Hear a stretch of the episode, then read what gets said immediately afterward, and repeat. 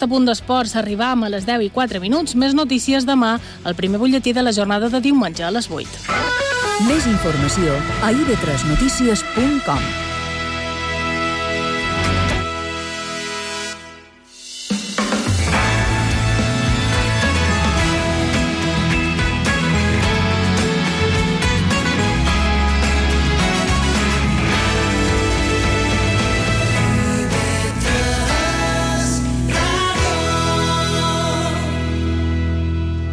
Durante este último siglo los extraterrestres han sido materia de ciencia ficción, imaginados por literatos e ilustradores como criaturas de bizarro aspecto e imposible anatomía, destinados más a inspirar temor o repulsión que a describir una posible realidad.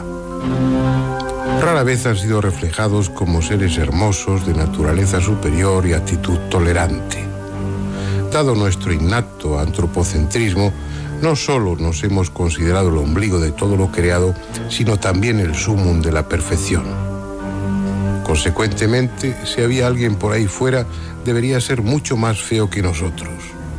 Y si tenía la desfachatez de venir a este planeta, tendría que ser con intenciones hostiles, como implacables conquistadores. En realidad no hemos estado haciendo más que proyectar en esas criaturas imaginarias nuestros temores o nuestros secretos deseos.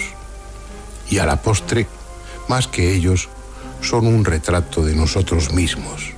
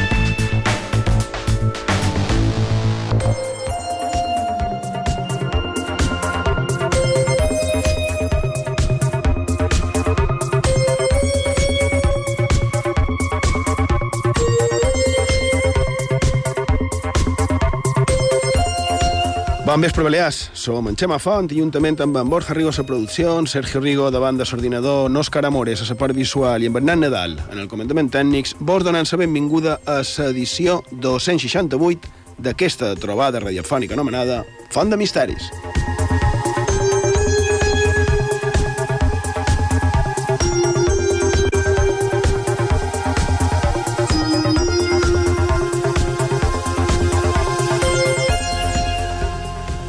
Rigo, bon vespre. Bon vespre. Sergio Rigo, bon vespre. Bon vespre, Xema. Molt interessant aquest tall, crec, que, que has triat, Borja, per, per donar cinc cèntims, no? com diuen, de, del que anirà el programa nostre d'avui. Sí, a més, crec que ja d'entrada convida a la reflexió. Sí, i a més, bé, és igual, crec que el millor serà fer, fer sumari, si vos sembla, mm, i començar amb el tema, perquè, a més, més que res, avui, aquestes cosetes que a vegades comentam com a introducció, no? I de, avui aquestes cosetes que hauríem de comentar estan relacionades amb el tema principal del programa. Així que, si t'assembla, Sergio, mmm, sumari, formes de contacte i començam. I en aquest programa 268 de Font de Misteris dedicaran l'edició a xerrar de tot allò que envolta les suposades visites d'éssers d'altres mons a la Terra. Quins casos coneixem? Quan s'han produït? Tenim casos documentats a les Illes Balears? I ja sabeu, si ens voleu fer arribar els vostres missatges, ho podeu fer de diferents formes. A través de Facebook i Twitter, cercant Font de Misteris i emprant l'etiqueta Font de Misteris i Vitres. També a través del WhatsApp del programa. El número de contacte és 659 1669 52. Ho repetim, 659 1669 52. També us podeu enviar tot allò que vulgueu el correu electrònic fontdemisteris arroba ib3radio.com o a Instagram cercant Font de Misteris IB3. I ja ho sabeu, podeu escoltar tots els nostres programes en el servei a la carta d'IB3 a ib3radio.com, a ivox.com i a fontdemisteris.com.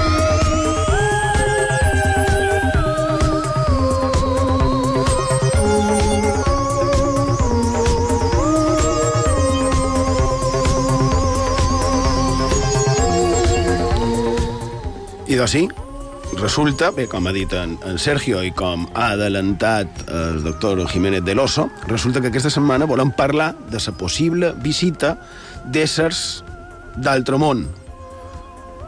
O millor dit, d'un altre món, perquè hem d'entendre altre món no com a el món dels morts, eh, sinó com a éssers que ens visitarien d'altres indrets, dit així a la grossa, d'altres indrets de l'univers.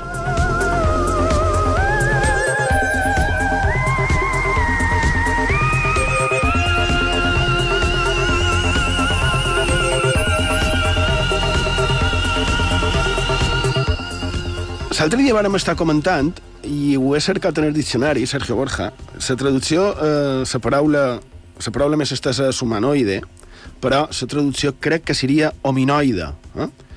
que en qualsevol cas voldria dir que és semblant a ser humà, a, a l'home. Però no ho feim nosaltres, no parlarem dels dels hominoides, dels humanoides, des del punt de vista de la zoologia, on ens parlen de, per exemple, la zoologia ens parlen de, de, dels primats, no?, que semblen a l'homo, ni tampoc parlarem dels robots fets que ara se fan de forma semblant a humans, que a més, eh, la veritat és que quan els sabeu sorprenen molt, no?, aquestes màquines que com, com reaccionen, etc i que són molt semblant eh, a ser humà, sinó que directament ho farem en relació en el tema alienígena, en el tema extraterrestre. No? És a dir, que el que volem fer és parlar de possibles visitants que amb una forma més o manco semblant a la humana, que és el que deia el doctor Jiménez de l'Oso en aquest eh, tall que hem escoltat, en, es, el coneix com a tall zero, i d'aquests hominoides que haurien visitat a qualcú, a més, per causes que normalment són desconegudes.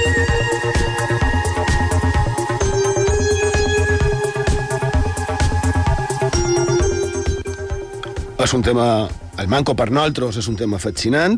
Crec que a Font de Misteris l'han tractat poc i que més l'únic que fa és treure més i més interrogants perquè encara que siguin temes totalment increïbles, temes que un diu no, no, no, no semblants, que, no, que un diu no pot ser, no pot ser.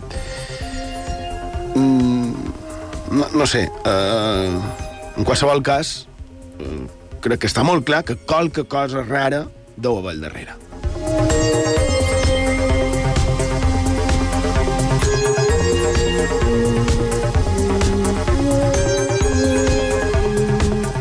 I com sempre, diferents motius coincidents ens, ens han fet arribar a fer, a determinar el tema d'un programa, no? qualsevol. I bé, en aquest cas també ha passat això, i un d'ells, aquesta casualitat va ser la darrera, Resulta que dimarts passat, dia 2 de juliol, això és una cosa que no vàrem comentar. Curiosament entre nosaltres, i mira que en parlam tot el dia, tot que estem tot el dia, eh, diguem-nos coses, enviem-nos missatges, etc. Dia 2 de juliol va ser el Dia Internacional de l'OVNI. Sí, així com sona. Dia Internacional de l'OVNI.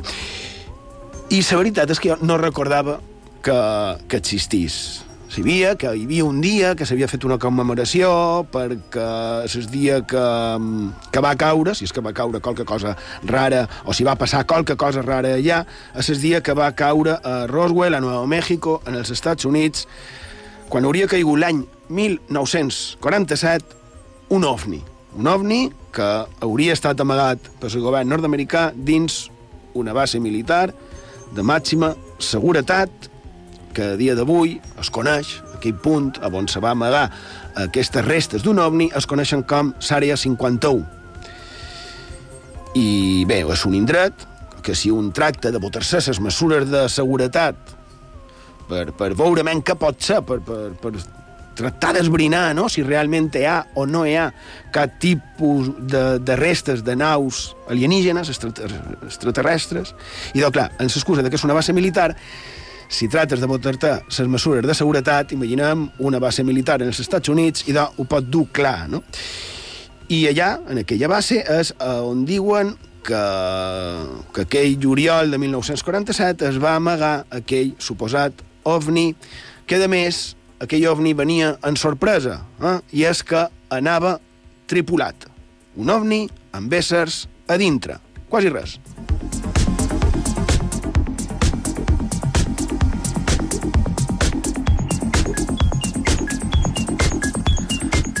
En aquell cas, la premsa de l'època, inicialment, el primer que va dir la premsa havia, eh, va ser que s'havia recuperat un platet volador.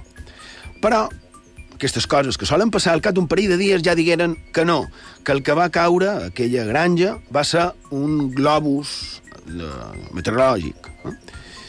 I clar, aquest és un cas pels que els hi agraden aquestes coses que ho reuneix tot per fixar-s'hi. No? I a l'arrel d'aquest incident, l'incident Roswell, que és com es coneix, que s'hauria instaurat aquest dia mundial de l'OVNI. Curiós.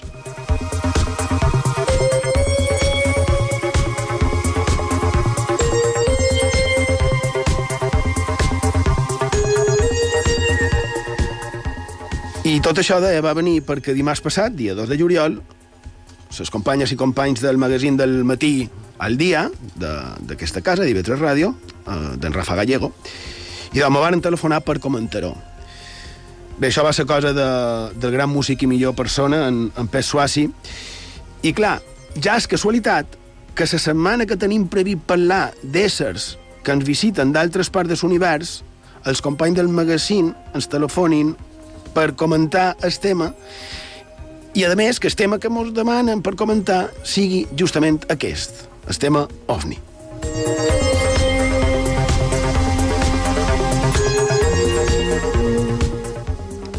Perquè, a més, al a la fi, jo crec, Borja Sergio, que podríem estar davant del primer cas on es parlaria d'haver recuperat un, un ésser extraterrestre com a, com a tal, no? Aquest, a més, el, el que actualment entenem com a, com a alienígena. Efectivament, dins els termes moderns de, de la casuística OVNI, sí que seria el primer, el primer cas.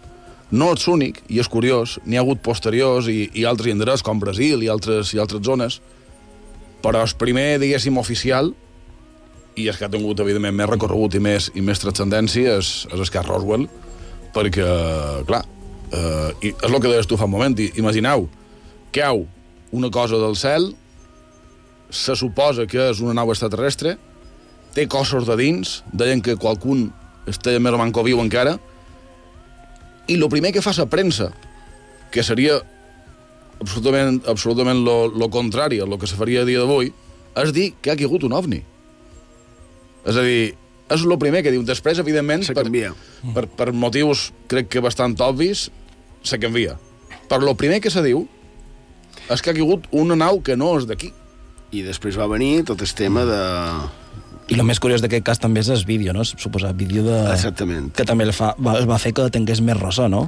El vídeo, però ho hem de dir, perquè se mos han queixat de que diem coses sense acabar de dir-les perquè pensant que tothom mos entén i no és vera. Eh?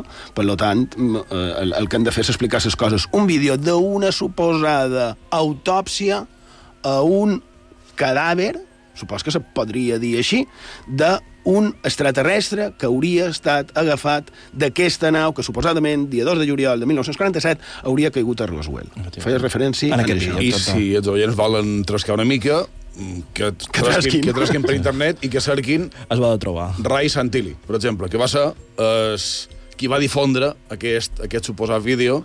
Bé, no, suposat vídeo no, és un vídeo, és, un vídeo real, però per ventura el que podran veure no és tan real. O, de fet, el que veuran no és real. No, clar... Eh, I sense entrar en discussions No, no. De, de per què es va fer i, i quan se va mostrar... Exacte, i no s'es debat la possible autòpsia a un alienígena allà, però, però sí que és curiós perquè estem parlant de la possibilitat de que s'hagi fet una autòpsia a, a un extraterrestre, no? que, que aquí cadascú ha de treure les seves pròpies conclusions. Cercau el vídeo, Norbert? Que seria lògic també fer una autòpsia on, si m'ho trobo un extraterrestre. Correcte, correcte. També, també és així, que no sé si... No, no crec que dongui temps avui de, de parlar d'aquests experiments entre, entre éssers humans i extraterrestres, extraterrestres i éssers humans. Um, tot això venia per lo del dia 2 de, 2 de juliol i, i volia dir també, per tema dels platats, que quan es va, decidir, es va decidir el dia que s'havia de triar per celebrar el Dia Mundial de l'OVNI, es va pensar entre dos. Un era el dia 2 de juliol i l'altre era el 24 de juny. El 2 de juliol ja s'ha vist per què, però per què el 24 de juny?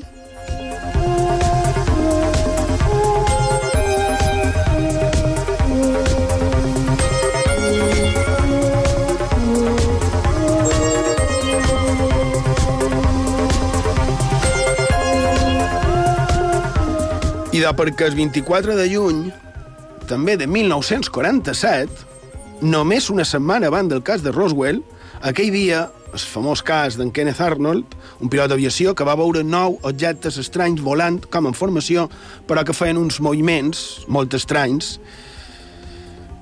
Tan estranys eren aquells moviments que ell, per descriure-lo, va dir que, mm, que el moviment que feien era com si fossin plats llançats contra l'aigua. I d'aquí ve el nom de platets voladors. Eh? I aquests dos són casos que en molt pocs dies varen donar peu eh, això, a les més grans confabulacions, eh, conspiracions, a les més interessants teories i també, que és el que ens agrada més a nosaltres, també va donar peu a deixar volar i molt l'imaginació.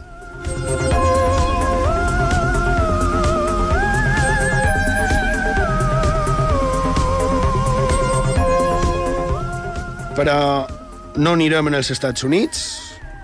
Avui, eh, a Font de Misteris, volem comentar un parell d'estranyes situacions que tindrien relació amb això que hem comentat. El que es coneixen com a ovnis, però principalment els éssers que ens visitarien d'altres planetes en no se sap quines intencions. Fem una petita pausa i tot d'una continuem. A Font de Misteris, a IB3 Ràdio. Aire. Joan Cabot. IB3 Ràdio. Uep, com va això? Saps qui som? Soc el foc.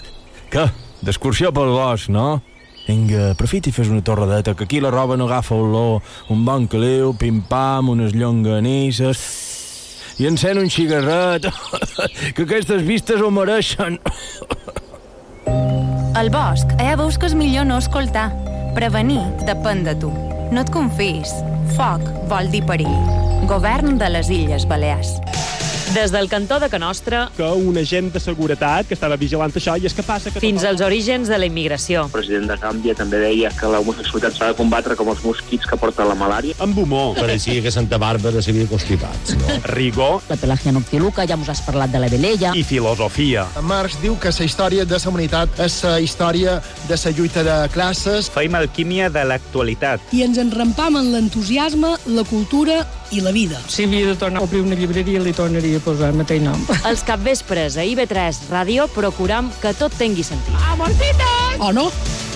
De dilluns a divendres, de 3 a 6, múltiples. No veig res. Aquí no hi ha ningú. Ets sí, mira, allà. Són flors! És increïble, són flors! Flors en el desert. Trobant persones que fan el món millor. Flors en el desert, amb David Oliver. Diumenge a les 9 del matí, a IB3 Ràdio.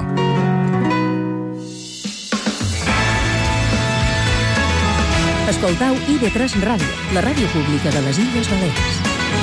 A Mallorca, 106.8.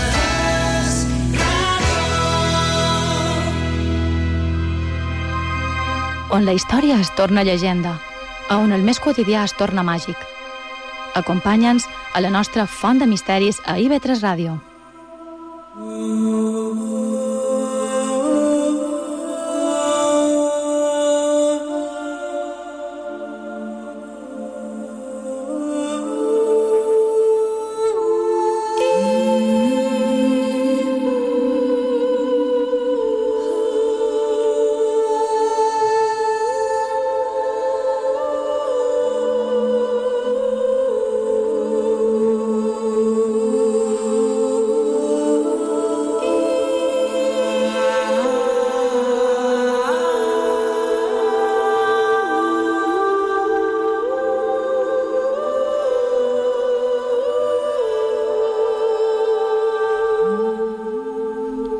Seguim a Font de Misteris, a sintonia d'IV3 Ràdio, la ràdio pública de les Illes Balears.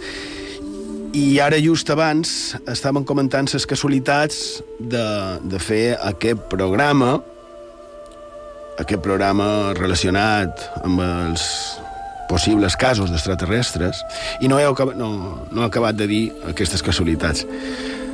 Però és que realment ja forma part del propi contingut del, del, del programa, perquè a més del tema del Dia Internacional de Sovni, ja han dit que era o bé per l'alvirament d'aquells nou estranys objectes que va veure en Kenneth Arnold o una setmana després per allò que es va estavellar, fos el que fos, el se, se va estavellar a Roswell, a Nova Mèxico, i de resulta que es, fa dos cap de setmanes, han passat dos cap de setmanes, si no m'equivoc, eh, sí, ens van reportar o contat o eh, enviat, digueu com vulgueu, dos casos curiosos del que es coneix com a albirament.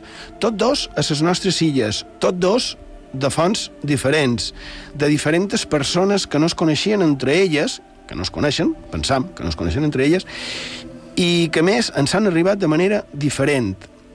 Si t'aparell bé, Borja, començaré en sa que me va arribar jo, simplement perquè cronològicament els fets És són, anterior, efectivament. són anteriors. Val. I de, mm, qui ens la va contar és una persona en sensatesa, no és cap tipus estrany, eh? i que més tenim constància que una tercera persona en el mateix moment i a uns quilòmetres de distància li va passar el mateix. I el cas que ens han contat diu així. Ocurrió el pasado domingo 23 de junio de 2019 alrededor de las 11.30 de la noche mientras iba conduciendo en coche por la, por la autopista dirección Alcudia a la altura de Lloseta aproximadamente. De repente apareció una luz en el cielo que se dirigía directamente hacia el suelo a una velocidad bastante considerable y de una manera perfectamente recta y lineal hasta que desapareció cuando parecía que estaba a punto de llegar al suelo. Entre paréntesis, tal vez unos 100 o 200 metros antes del suelo. No puedo decir con exactitud la duración de la caída, pero seguramente fueron unos 4 o 5 segundos, ya que me dio tiempo a pensar primeramente si era un reflejo de algún vehículo farola, una estrella fugaz, un avión e incluso algún tipo de fuego artificial, debido a que era la víspera de San Juan y horas antes el equipo de fútbol del Real Mallorca acababa de conseguir el ascenso a Primera División.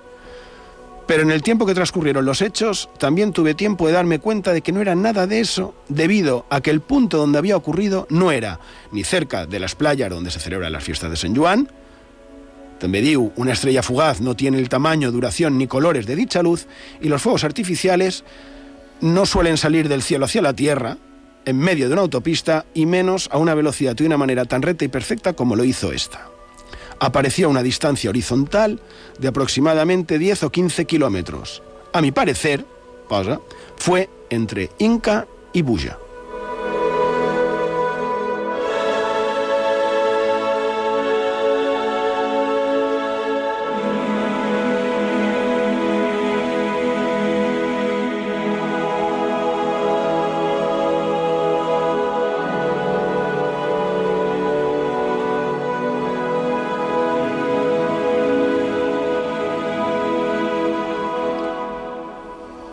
Així ens ho han narrat.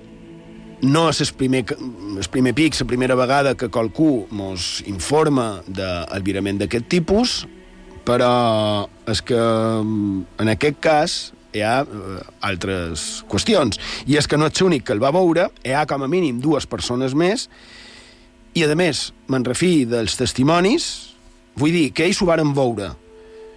Jo no sé què és el que varen veure, però qualque cosa hi havia. Mm? Però és que, a més, per si això no fos suficient, hi ha la casualitat de que el dia següent, dia 24, 24 de juny, que no sé si vos hi havíeu fixat, té la casualitat de que és el mateix dia que en Kenneth Arnold va definir els, els, el primer albirament com a platets voladors, no? Mm. És, és el dia que diuen que s'inaugura la ufologia moderna, ni més ni manco. Exacte, dia 24 de juny. Bé, en aquest cas estem parlant el, el dia 23 i 24 de juny, illa de Mallorca, i en aquest cas, Borja, te'l varen enviar a tu. I doncs sí, resulta que el mateix dia 24, el cap vespre, m'arriba un, un WhatsApp amb una informació que jo més o manco venia a dir el següent.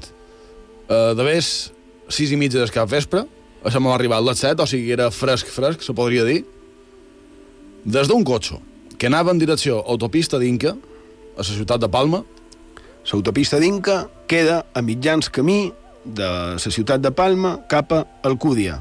Efectivament. Ho dic perquè el I per primer aquesta cas que... autopista d'Inca passes pels Paules de Buja i pels altres que has comentat. I de Lloseta. cas, Efectivament. Bé, resulta que des dins del cotxe varen veure durant uns segons, o potser els 4 o 5 segons que també comentaves tu, un objecte a l'aire. Un objecte que van definir, atenció, com a un disc platejat, que surava en el cel i que, curiosa i sorpresivament, anava cap a la mateixa direcció que el cas que tu acabes de comentar.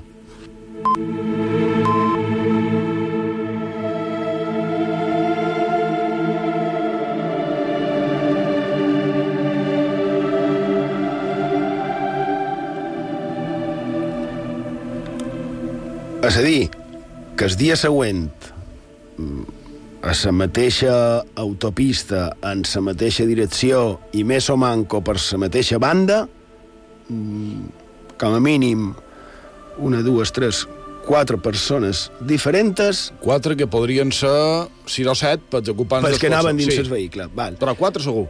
I de... tenim això.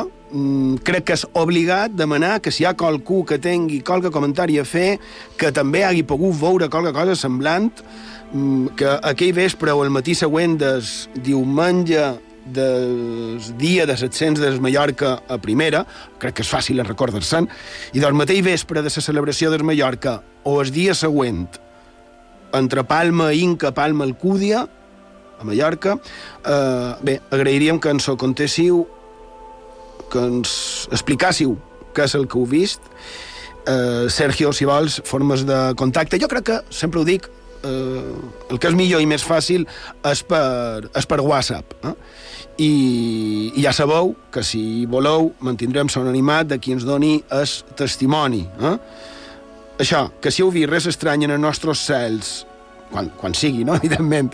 Diumenge 23 de juny, en aquest cas, després del partit de Mallorca, quan va pujar primera, o dilluns 24 o en els voltants, formes de contacte. I de, tenim el WhatsApp del programa, el número és 659 1669 52. Ho repetim, 659 1669 52. I també el correu electrònic fontdemisteris arroba ivetresradio.com.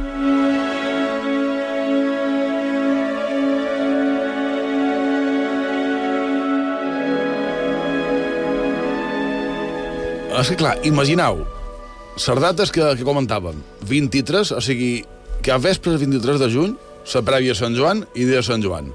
No fa gaire comentàvem que, per exemple, és el millor moment per anar a agafar dimonis boets. És el dia en el qual s'inaugura l'ufologia moderna. I justament mos arriben dos casos en manco de 24 hores a la mateixa illa i ben a prop un de l'altre que parlen d'objectes estranys en el cel. Haurem de dir el Dia Internacional dels Misteris. Exactament. Sí, bé, és que... És que ara, ara imagineu, a més, eh, en, el, en el cas concret que m'ha arribat a mi, imagineu, dilluns que a vespre vaig tenir la sort de poder fer una becada, que sempre és d'agrair, no, no ho negaré. Ah, sí, val, sí. Imagineu, obris els ulls perquè sents un WhatsApp i te despertes per rebre una informació d'un suposat cas ovni. És que és fantàstic. No, no, la veritat és que, és que és fabulós, és, és meravellós, i més quan hi ha aquesta coincidència amb, amb, els, amb els altres que també ho varen veure i que, i que no tenen relació entre ells. Això per jo és el més sorprenent. És molt simpàtic és, eh, aquesta conclusió a la casa arribada de, de que el dia 23-24 de juny, dia de Sant Joan, dia màgic, dia especial, eh, dia de Nadal, que jo m'agrada dir-ho així, perquè és el dia de, del naixement de Sant Joan Baptista. No? Normalment el, el santoral són els dies de les morts i, i semblants, excepció del dia de Sant Joan Baptista, cosí del bon Jesús i que et celebra sis mesos abans. Per tant, eh, és el que varen dir, no? de, de, que, de que és una nit molt especial. Eh, D'aquí a que pugui ser o tenir relació amb el, amb el tema de veure albiraments i veure coses estranyes, hauria molt a dir, però no deixa de ser simpàtic. I, Sergio, no agafis eh, encara l'ordenador, eh, que ja que estim amb tu, ens vares comentar que, a més, el verdader motiu de fer el programa va ser per, per això d'en Sergio, dels humanoides, ens vares comentar un cas que vares trobar a un llibre damunt la serra de Tramuntana, a Mallorca també, i, i ens vares comentar que vares veure un cas molt estrany, molt curiós i que està recollit en aquest llibre. Efectivament, Xema, fa unes setmanes me vaig trobar amb un test molt interessant recollit en un llibre molt recent, de Miquel Martorell Ramis, que se diu Barran de Vinyaraix, 100 porxos, 100 històries, i que s'ha publicat aquest mes de, de juny, fa res. Que, bé, eh, Ja tenim per aquí damunt, sí. Sí, ho tenim aquí. Ara te'l tornaré a passar, perquè ara m'ha posat una carta i he llevat el llibre de davant. Barran de Beniaraix, 100 porxos, 100 històries, de Miquel Martorell Ramis. I aquí el tens. I el test és molt interessant i si vos pareix ho llegirem. Se titula així, Un humanoide visita la font d'Esbarger. El mes de novembre de 1980, en Jeroni Lorente Roca i Antoni Morroig Colom asseguren haver vist un humanoide en el barranc. En Jeroni, el primer que digué, va ser que no havia contat aquesta història abans perquè no el tractassin de boig, però també era una llàstima que el món no ho sabés. En Jeroni els contà que era un de tant d'aquells dies que pujaven a llaure el porxo de Can Verdú, perquè l'endemà havien d'anar a caçar. Pujaren a la nit i quan arribaren al porxo, en Jeroni recordava haver mirat l'hora de rellotge. Eren les 10 en punt, i just després en Jeroni i els seus companys veren com uns junts molt potents que davallaven de la muntanya.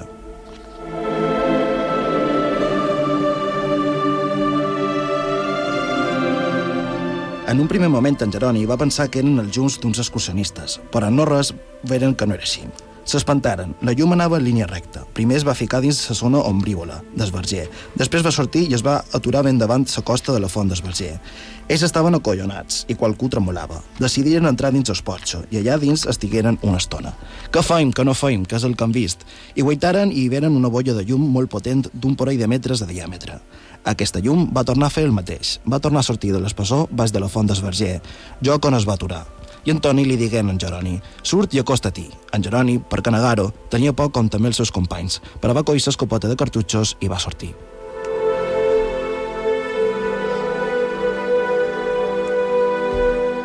S'apropà aquella llum tan potent fins que la tingué a una distància d'uns 500 metres i va en aquell moment quan va treure perfectament la forma d'un ésser. Feia una alçada d'uns dos metres i mig i semblava no tenir braços. Un alman con Jeroni no els hi va veure. Semblava dur una espècie d'abric damunt i un cinturó a la cintura, i no li va veure la cara si és que en tenia. En Jeroni recordava que aquell ésser tenia com a cames, però no caminava, sinó que es desplaçava uns metres de terra, envoltant d'una llum molt blanca i potent, com una espècie de boia lluminosa. Sembla que estava del perfil, però en aquella distància no va poder veure més detalls.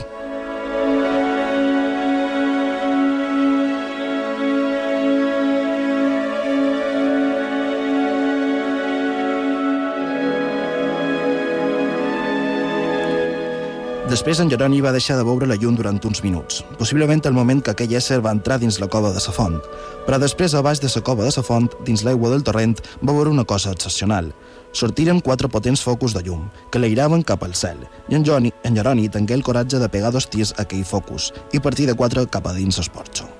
Després va, passar, va pensar que les armes davant d'aquell ésser no eren res. En Jeroni sempre tingué el pressentiment que aquell davall l'aigua, dins la cova, s'hi amagava qualque misteri. Però el que és ben cert, digué en Jeroni, és que nosaltres tres verem una monoida i cadascú és lliure de pensar el que vulgui. Na Teresa, la dona d'en Jeroni, en contar que l'endemà els tres anaren a veure si hi havia restes de qualque cosa a l'entrada de sa font, com també a la zona de la cova de Can Sivella, on també hi veren els llums, i resultà que no hi havia rastre de res.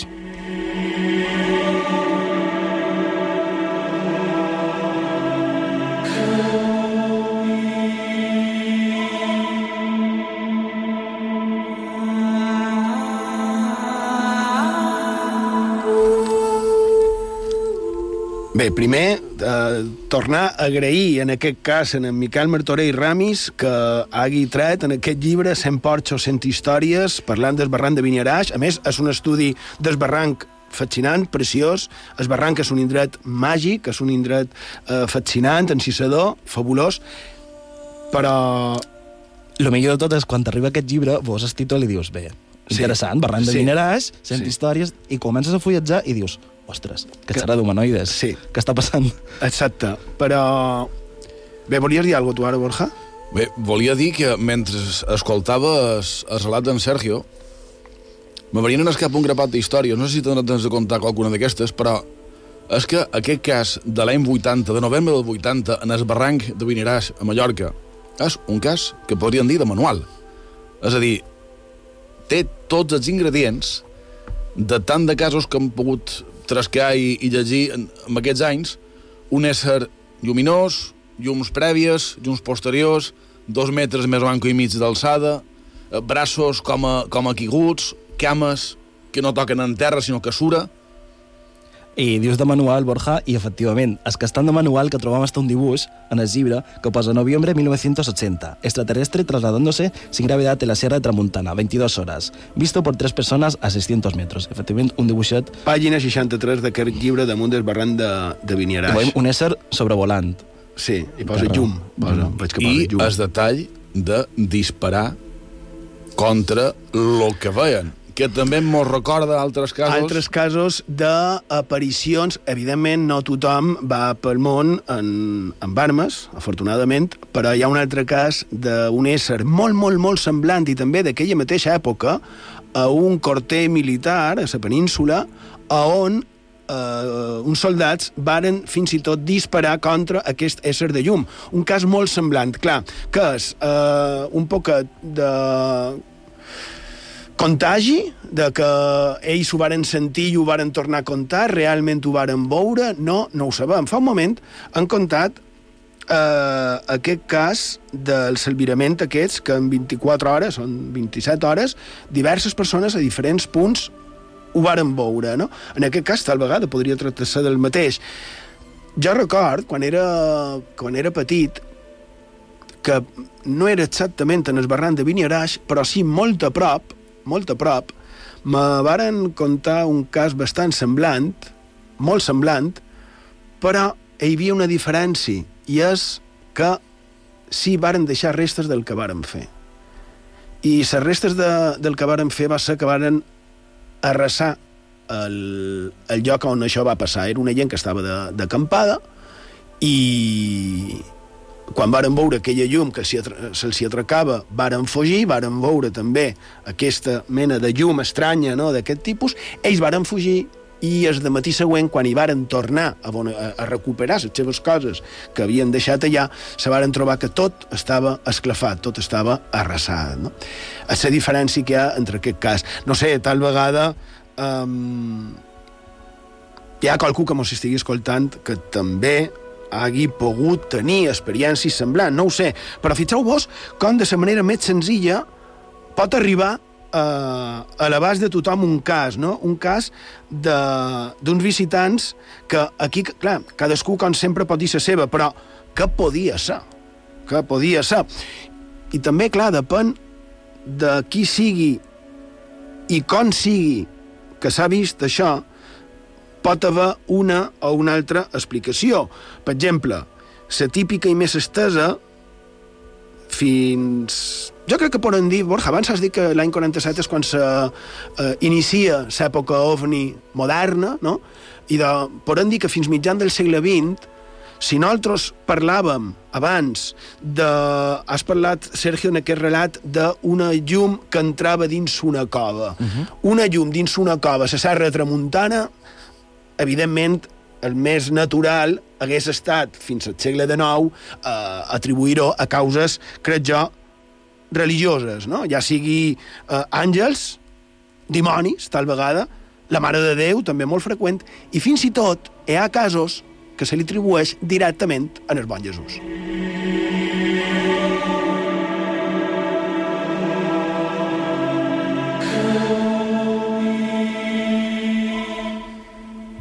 Parlant de la Serra Tramuntana, en Carlos Garrido, en el seu Mallorca Màgica,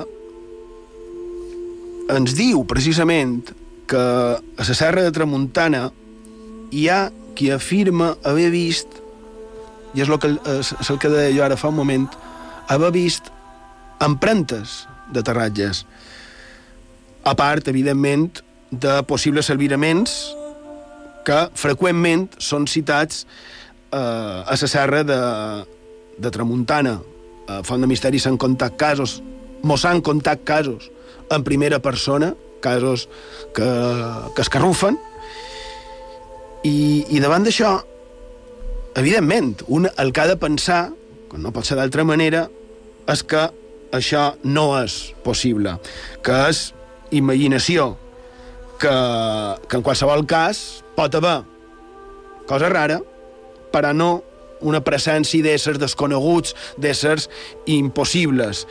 Si vos sembla, anem a veure altres casos que crec que podríem qualificar de semblants, però donant una ullada mm, sortirem ara una mica de les nostres illes, però mos anem a unes altres. Mos anem a les Illes Canàries, Borja. I doncs sí, illes afortunades, estan vinculades per un altre motiu, com estareu d'acord, a les, a les nostres illes, a les Balears. Sens dubte. Anant fins l'any 1976, 22 de juny, curiosa, també 22 de juny, a propet de les dates màgiques per excel·lència. Mos situam concretament a Galdar, a Gran Canari. Durant aquell vespre, que havia de ser normal i, i tranquil, va succeir, com dèiem, una vegada més, lo impossible. I en aquest cas va arribar del cel. Però si vos pareix, contant la història com, com se mereix.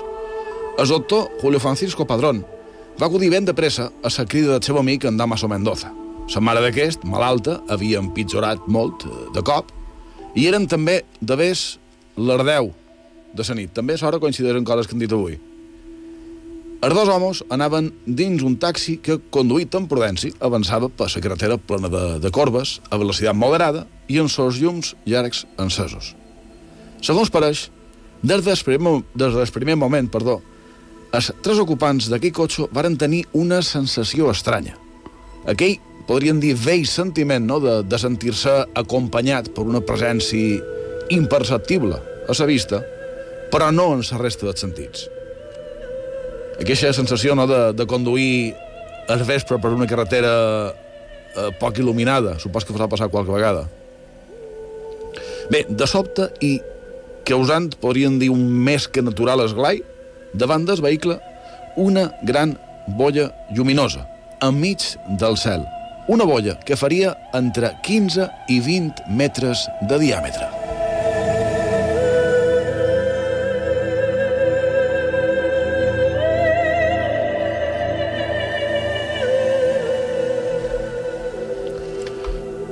Bé, es, el relat continua dient que era una esfera quasi transparent, fins en el punt de que se podria veure a través d'ella el cel estrellat d'una nit d'estiu canària. És molt poètic. Però encara hi havia més. Aquella bolla va començar a canviar la seva forma i el seu color, i en el seu interior varen aparèixer dues figures antropomòrfiques, encara que, presumptament, molt més altes que els humans normals, ja que, i això també té molt a veure el que dèiem abans, passaven de llarg els dos metres d'alçada. A continuació, l'esfera va créixer encara més. Va pujar cap a la immensitat del cel i va descompareixer, deixant una pregunta surant a l'aire. Què havia passat?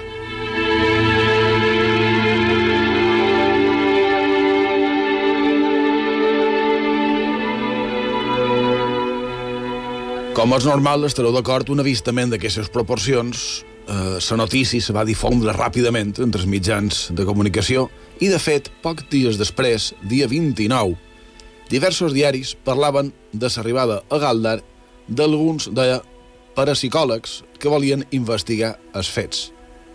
De fet, fins i tot, l'exèrcit li va sol·licitar en el doctor Padrón el seu testimoni acompanyat a més d'un dibuix explicatiu. Així, el metge va acabar declarant a un tribunal militar un testimoni que, per cert, va tenir suport de dos pilots de l'exèrcit que també havien estat testimonis de l'impossible aquella mateixa nit. Aquesta història, interessant com poc es trob, va quedar mig amagada, fins que va arribar aquella polèmica desclassificació d'expedients OVNI per part de l'exèrcit de l'aire, l'any 1992, que ja han comentat en el programa Qualque Pic, Sí, i, i de fet varen fer un especial expedients desclassificats, sí. Bé, en aquell moment va veure la llum l'expedient de precisament el cas Galdar, del qual, res, extrauré només una breu frase pronunciada per Carlos Dolz Espejo, que en aquells moments, 1976, era tinent de l'exèrcit de l'aire. Va dir, sense cap por ni mirament, que vi un objeto volador que no pertenecía a la Tierra.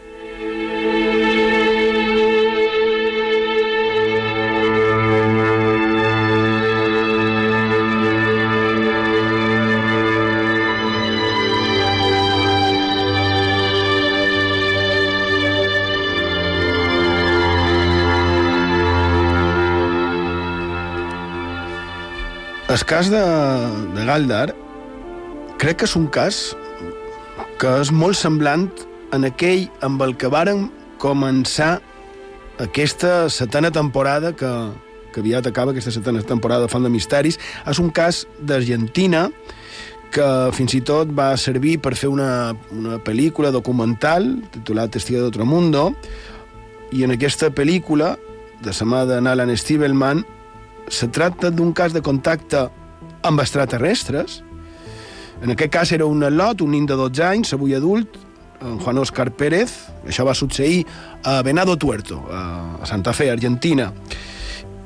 I eh, aquest lot diu que va veure l'any 78 una cosa que m'ha donat sensació que era molt semblant en el, en el que tu has dit, Borja, amb una diferència. I és que eh, Juan Oscar Pérez hauria tingut un tracte directe amb aquells éssers, tant és així que fins i tot afirma que com un d'aquests éssers el va tocar, li va fer una ferida que, de la que encara té les restes de la ferida i que encara li feia, fins i tot, hi havia moments que li feia mal aquella ferida succeïda 40 anys enrere.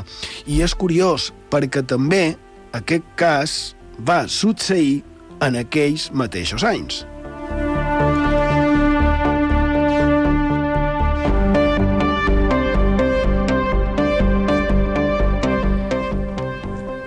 Si vols, Borja, seguim. Ten, tens un altre per aquí damunt. És d'un altre ésser, també, totalment diferent, però que crec que ens pot servir per il·lustrar el que volem dir en el programa d'avui. I doncs sí, una altra història que mos du fins a Extremadura, a Càceres, fins a un dels pobles que formen el co, podríem dir, més misteriós i estrany de tota aquella contrada i sense dubte de tota Espanya. M'estic referint a les Urdes. Com no podia ser d'altra manera. Clar, i concretament en el petit poble de Vegas de Còria, que a dia d'avui, imagineu, té de més 250 habitants. Eh, les Urdes, que jo personalment no, no he arribat a, a anar-hi, a entrar-hi, i, i he d'anar, perquè ho, ho vull conèixer, però plena també de llegendes, d'històries i de testimonis, com a mínim, molt estranys. Exacte. Les Urdes crec que podria ser un indret que sigués un manual de l'investigador de lo estrany. Un dels capítols seria, per norma, has d'anar a, a, a trobar sí, no? lo, lo impossible, perquè te sortirà, segurament vist la quantitat de casos que hi ha documentats. Bé, anem. 11 d'octubre de 1982. Tot queda més o manco en aquella època. Devien ser vés la una de la matinada quan Neusebio Iglesias i el seu fill en Froilán descarregaven un bon munt de material de construcció just davant que seva. Mentre traginaven aquell material fent un bon esforç, varen sentir una espècie de renou estrany, com si fos una espècie de pla o de lament. I a més, varen poder veure una desconcertant flamarada blava que va aparèixer enmig de la carretera per apagar-se en un parell de segons.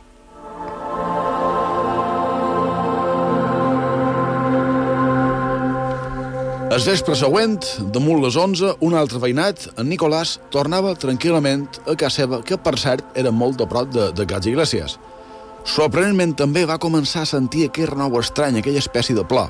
I a la carretera, suposadament, en el mateix punt exacte on el vespre anterior havia aparegut aquella flamarada blava, en Nicolàs va veure com apareixia una forma com a negra, de poc més d'un pam d'alçada.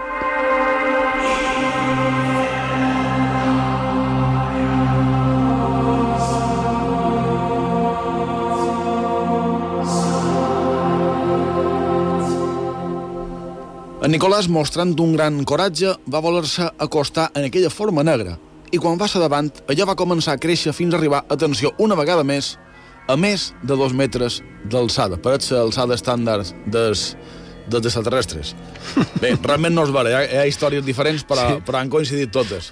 De, davant d'aquell home, imagineu, espantat, se va formar una figura humana amb... podríem dir amb un aspecte eh, estrany, no? Eh, un carredor, ample d'esquenes i vestit amb una espècie de sotana o de túnica.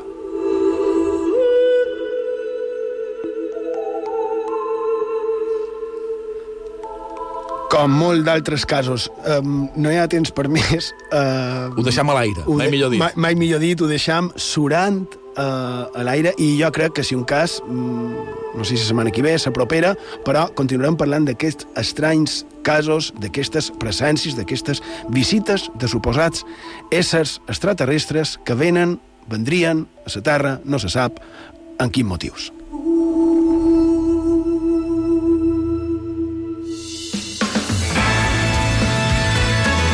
Escoltau la ràdio pública de les Illes Balears.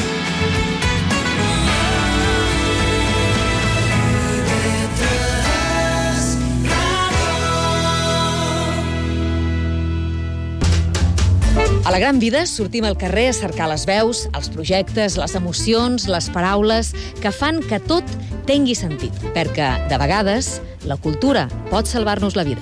La gran vida, a IB3 Ràdio. IB3 Ràdio. És història.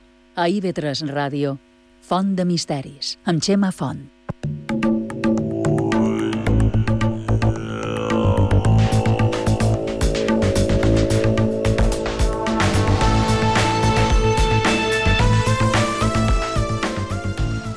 I d'hem arribat a la fi del programa d'avui. Esperem que hagueu passat una estona agradable i que hagueu pogut treure qualque cosa de profit d'aquesta font de misteris.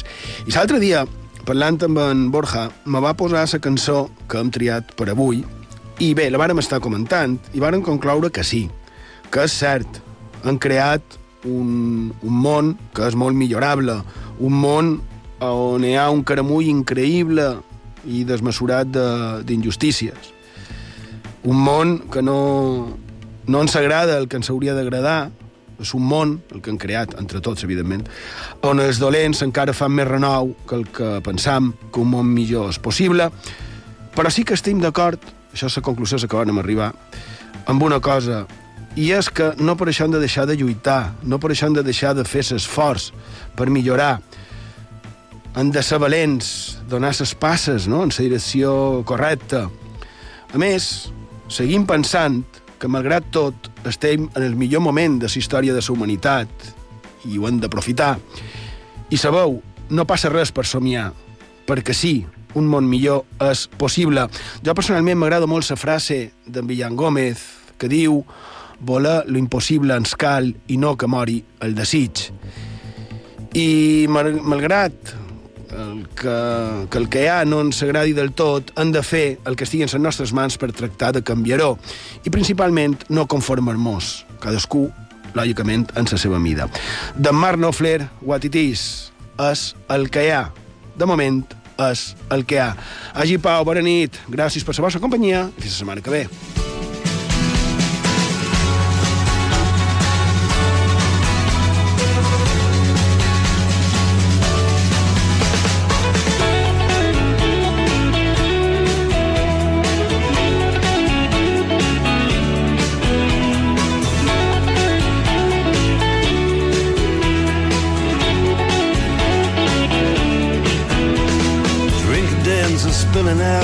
Staggering in the square. There's lads' glasses falling about and a crackling in the air. Down around the dungeon doors, the shutters and the queues. Everybody's looking for somebody's arms to fall into. That's what it is. That's what it is now. Here's frost on the graves and the monuments, but the taverns are warm in town. People curse the government and shovel hard food down. Lights are out in City Hall, the castle and the key. The moon shines down upon it all, the legless and the sleepless. Cold on the toll gate with the wagons creeping through. Cold on the toll gate, God knows what I can do. That's what it is.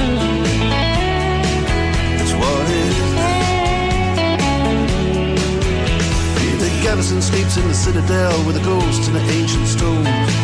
High on the parapet, a Scottish piper stands alone. High on the wind, the Highland drums begin to roll. Something from the past just comes and stares into my soul. Cold on a toll gate with a Caledonian moon.